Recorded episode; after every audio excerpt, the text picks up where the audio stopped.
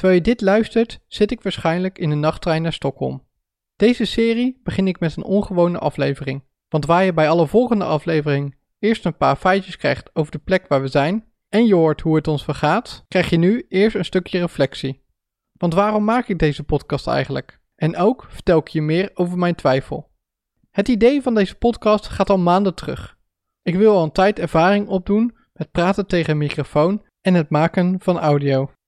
Maar het ontbreekt me aan tijd en ik geef het geen prioriteit. Vakantie is dus een logisch moment om een hobby op te pakken. Tegelijkertijd gaan we op reis. En je zou denken, reizen combineren met een dagelijkse podcast is wellicht wat overdreven. En toch, er zijn een aantal redenen waarom ik het wel doe. Allereerst dwingt het maken van een podcast tot het vastleggen van mooie momenten en reflectie. Het biedt een tegenhanger van het Insta-perfect leven. Alle plaatjes die je vast ook voorbij ziet komen, geven geen volledig beeld. En ik hoop dat deze podcast wat reëler is. Nu klink ik wel echt als een boomer. Een andere reden voor het maken van deze podcast is dat ik me als maker en marketeer kan uitleven. En ik houd er gewoon van om projectjes te hebben. En toch houd ik ook twijfels. Zelfs nu ben ik nog niet zeker over de gekozen vorm en frequentie. Reizen is geweldig, maar met twee kinderen verplaats je ook gewoon je dagelijks ritme naar een andere plek. Je moet boodschappen doen en op tijd naar bed. Want ook op vakantie is het gewoon weer 6 uur dag en moet je opvoeden. Allemaal niet zo spannend dus.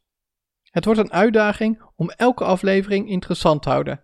Want zoals Alexander Klupping zegt: Eén stem die de hele tijd praat is gewoon fucking saai.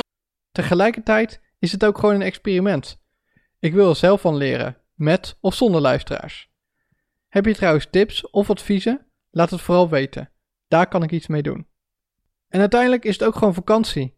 Zijn we op mooie plekken en is er veel te zien. Ik, en Carola ook, bevinden het belangrijk dat de podcast niet ten koste gaat van gezinstijd.